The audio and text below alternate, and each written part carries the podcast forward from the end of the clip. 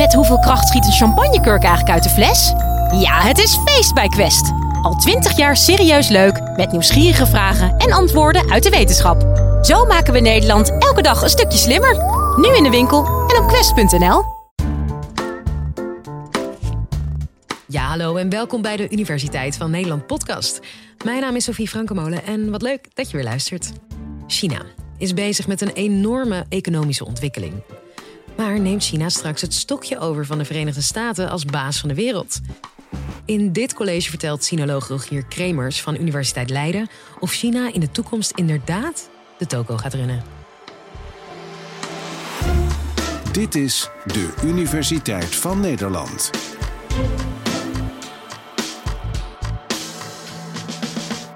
Paar jaar geleden zat ik met een Nederlandse vriend die in Beijing woont en daar in de energiesector werkte te praten over hoe moeilijk het soms is om uit te leggen aan mensen in Nederland wat je in China meemaakt en wat je ziet. En ja, zei hij, mensen thuis hebben soms de indruk dat dit land als een vloedgolf de hele wereld gaat overstromen. Maar enige ervaring hier op de werkvloer en je inschatting van de mogelijkheid dat dat gaat gebeuren daalt met ongeveer 100 procent. Er gaat heel veel goed in China, maar er hangt ook heel veel met touwtjes en plakband aan elkaar. Maar misschien hoor je ook vaak op het nieuws dat China oppermachtig wordt. Supermacht China is druk bezig om de nummer 1 van de wereld te worden. Waar de Amerikaanse economie krimpt door corona, groeit die van China juist. In dit college duik ik dieper in deze vraag. Runt China straks de toko of valt het wel mee? China is vastberaden om de allergrootste te worden. Wordt dit land met bijna anderhalf miljard inwoners straks echt de baas van de wereld? De Chinese draak spuwt weer vuur. In anderhalf jaar tijd werd er niet zoveel geproduceerd door de Chinezen als in de afgelopen maand. Wat bedoelen we dan eigenlijk met de baas van de wereld zijn? Als we het hebben over wereldmacht, dan hebben we het over het idee dat een land de wereld ingaat en die wereld wil veranderen omdat het denkt dat het wat te brengen heeft. En dat kunnen allerlei dingen zijn. Grappig genoeg is wat we denken te brengen te hebben door de tijd heen behoorlijk veranderd. Allereerst, tijdens de ontdekkingsreizen, ging het natuurlijk wel om handel, maar Europese landen gingen ook de wereld in om de rest van de wereld tot het christendom te bekeren. Daarna, tijdens de kolonisatieperiode, gingen Europese landen beschaving brengen naar de inboorlingen, want wij, het verlichte Europa, wist wat de rest van de wereld nodig had. Tegenwoordig vinden we het niet meer zo netjes om over beschaven te spreken en proberen we op een andere manier invloed uit te oefenen. Dan hebben we het bijvoorbeeld over het overbrengen van universele waarden. De VS en Europa die pleiten voor democratie, het verspreiden van mensenrechten en de vrije markteconomie over de rest van de wereld. Laten we eens kijken naar de recente situatie van wereldmacht. Wie is er vandaag de baas? Na de Koude Oorlog viel de Sovjet-Unie uit elkaar en kwam Amerika op als de enige wereldmacht. En als één land zo machtig is, dan spreken we van een unipolair wereldsysteem. En dat hebben we sindsdien gehad. Met de komst van de VS als opperbaas gingen we met z'n allen denken dat de westerse ideeën van dit land, maar ook van Europa, wereldwijd verspreid en gedeeld zouden worden. De verwachting was dat democratie en de vrije markt voor landen in de hele wereld de norm zou worden. De filosoof Francis Fukuyama noemt dit the end of history, het eindstation van de geschiedenis. Wij waren er al en de rest van de wereld zou ons snel daarheen volgen. En om dit te bereiken oefende de VS als een echte wereldmacht, nou ja, macht uit. Hoe dan? Vooral vanuit het idee dat democratische staten minder geneigd zijn om oorlog te voeren, zoals Bill Clinton tijdens zijn speech bij de Verenigde Naties zei. We need a new strategy of security. Over the past five years, nations have begun to put that strategy in place through a new network of institutions and arrangements with distinct missions but a common purpose. Meer democratische landen in de wereld betekent meer veiligheid voor je eigen land en voor de rest van de wereld. Wie wil dat nu niet? To secure and strengthen the gains of democracy and free markets while turning back their enemies. En als die democratie niet vanzelf komt, dan gaan we die toch gewoon brengen. Afgelopen nacht is de oorlog begonnen. Om half vier Nederlandse tijd openden de Amerikanen de aanval op Irak. De meeste mensen onder de 40 herinneren zich eigenlijk niks anders dan een situatie waarin de VS de enige grote wereldmacht is. Maar eigenlijk is zo'n unipolair systeem best wel uniek in de geschiedenis. 2000 jaar geleden konden het Romeinse Rijk en het Chinese Rijk prima naast elkaar bestaan. Veel wisten ze niet van elkaar, maar er was wel handel. Romeinse senatoren droegen toga's gemaakt van Chinese zijde. Ook meer recent kon het Ottomaanse Rijk prima naast Europese koloniale machten bestaan. Het idee van de Verenigde Staten dat iedereen zoals ons zou worden, is intussen al behoorlijk achterhaald. En was misschien ook behoorlijk naïef. De macht in de wereld verschuift de hele tijd als je naar de geschiedenis kijkt. En dat zien we ook bij China. China heeft besloten om een andere koers te varen. China is niet democratisch, niet heel erg vrije marktkapitalistisch, maar wel succesvol. Neemt China dan straks de macht over van de VS? Daarvoor moeten we ook weer eens in de geschiedenis gaan kijken. Hoe is China zo snel ontwikkeld? Als we het hebben over de groei van China in de afgelopen 40 jaar, dan hebben we het natuurlijk over de gigantische groei van hun economie. Denk maar eens even na. Als jij morgen alle spul uit je huis moet gooien dat in China gemaakt is, dan wordt je huis ineens heel minimalistisch aan de binnenkant. Maar dan moeten we eigenlijk met de gigantische spoiler beginnen. Zo heel rijk is China eigenlijk niet. Als je naar sommige cijfers kijkt, is het best indrukwekkend. Aan het eind van de jaren 70 was China nog een van de armste landen ter wereld. En in de afgelopen jaren is het uitgegroeid tot de tweede grootste economie. Het moet alleen nog de VS voor zich dulden. En dat klinkt fantastisch. China is big business.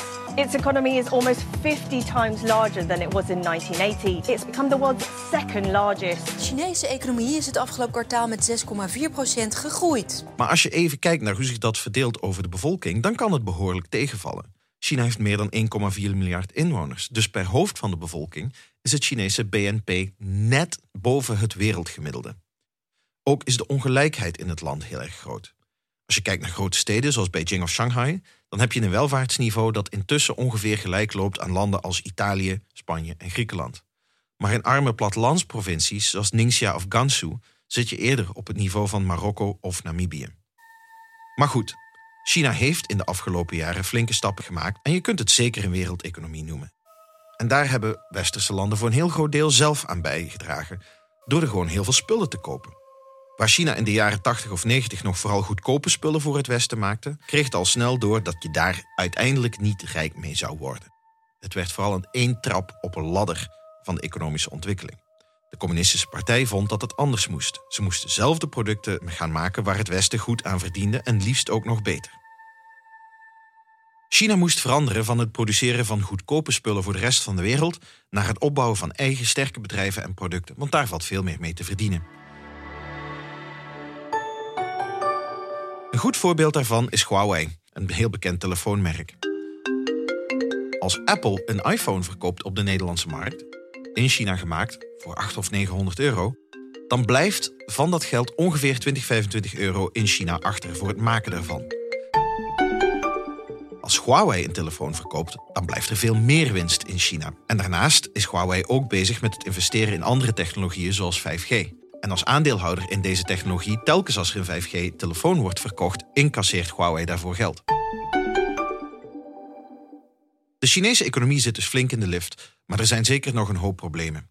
Eén daarvan bijvoorbeeld is voedselveiligheid, en daar wil ik het even over gaan hebben. Een paar jaar geleden was er in China een melkpoederschandaal.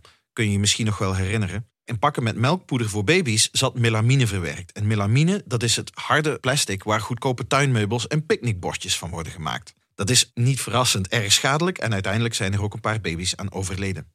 Dat schandaal had zelfs gevolgen in Nederland. Babyvoeding is nog nooit zo populair geweest, hè? Ja, klopt. Dus we hebben hem maximaal eh, bij Albert Heijn eh, eraan gebonden. Is dat maximaal twee, twee verpakkingen per klant. Ja. In een grote straal rond Schiphol gingen supermarkten beperken hoeveel dozen melkpoeder mensen per keer mochten kopen.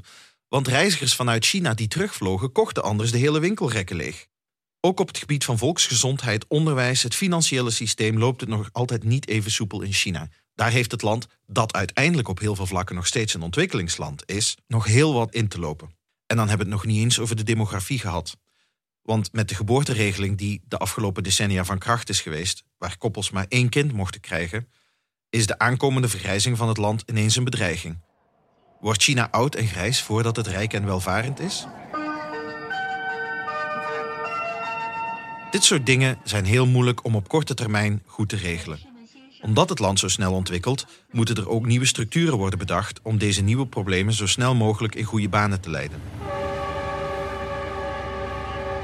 Dus waar we misschien aan denken bij China, de gigantische wolkenkrabbers en de hoge snelheidstreinen, denken we vaak minder snel aan de onderliggende zaken die ook goed geregeld moeten worden om ervoor te zorgen dat die dingen naar de toekomst toe goed kunnen blijven bestaan.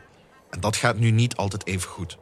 Je zou kunnen zeggen dat China nu de ontwikkeling aan het doormaken is die veel Europese landen in de 18e en 19e eeuw hebben meegemaakt. En dat gaat natuurlijk nooit zonder horten of stoten.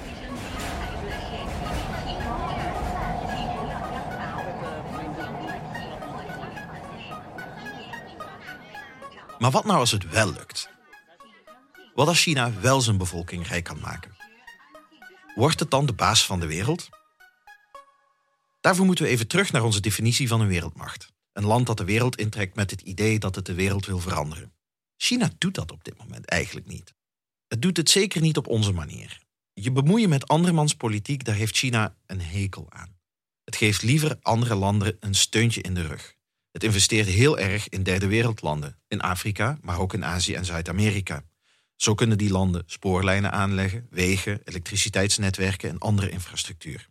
En als de economie daar gaat groeien, dan zijn het in de toekomst wellicht interessante klanten voor Chinese producten en diensten. Deze manier van investeren in andere landen om ze vooruit te helpen, is een manier van de Chinese kant om aan te tonen dat je ook zonder politieke inmenging prima rijk kunt worden. Vaak krijgt China kritiek op deze aanpak. Het zou andere landen moedwillig in de schuld helpen, zodat die vervolgens afhankelijk worden van Beijing. Nou hebben wij dat in het Rijke Westen decennia lang gedaan. Maar we zien ook dat Beijing in de laatste jaren dit soort investeringen terugschroeft. Als een overheid de schulden niet kan terugbetalen, dan valt de schade vooral in China. Buitenlandse politieke bemoeienis is ook niet iets waar China erg van houdt. Ik hoor je al denken, maar hoe zit dat dan met Taiwan? Vanuit Beijing is Taiwan een onderdeel van China, dus dat wordt daar echt gezien als een binnenlandse aangelegenheid, ook al is het Westen daar totaal niet mee eens. Hetzelfde geldt trouwens voor Hongkong. En China is zeker al heel sceptisch over buitenlands militair ingrijpen. Ze hebben heel goed naar het Europese koloniale verleden gekeken en naar de ervaring van de VS in Vietnam, Irak en Afghanistan. China zoekt naar een andere manier om een land in de wereld te zijn dat tegelijkertijd zo machtig is dat het met rust gelaten wordt, zonder zich in te hoeven laten met het veranderen van andere landen op een politieke, economische of maatschappelijke manier. Goed, dan terug naar de vraag die ik aan het begin stelde. Wordt China straks de baas van de wereld? Zo'n vaart zal het waarschijnlijk niet lopen. De macht die het land in de wereld heeft valt op dit moment nog wel mee. Maar we moeten wel gaan wennen aan het idee dat er straks meerdere wereldmachten zijn en China zal daar een grote van zijn. De VS, en bij uitbreiding het Westen, zal niet langer het monopolie van welvaart en macht wereldwijd hebben. En dat is ook helemaal niet zo gek als je kijkt naar de geschiedenis. China is op dit moment vooral bezig met binnenlandse uitdagingen. Klimaat, volksgezondheid, voortdurende economische groei zijn slechts een paar van de uitdagingen waar China voor staat. En dat zijn de dingen waar Xi Jinping ochtends mee wakker wordt en s'avonds mee gaat slapen. Je hoorde Rogier Kremers. En vond je dit nou een leuk college?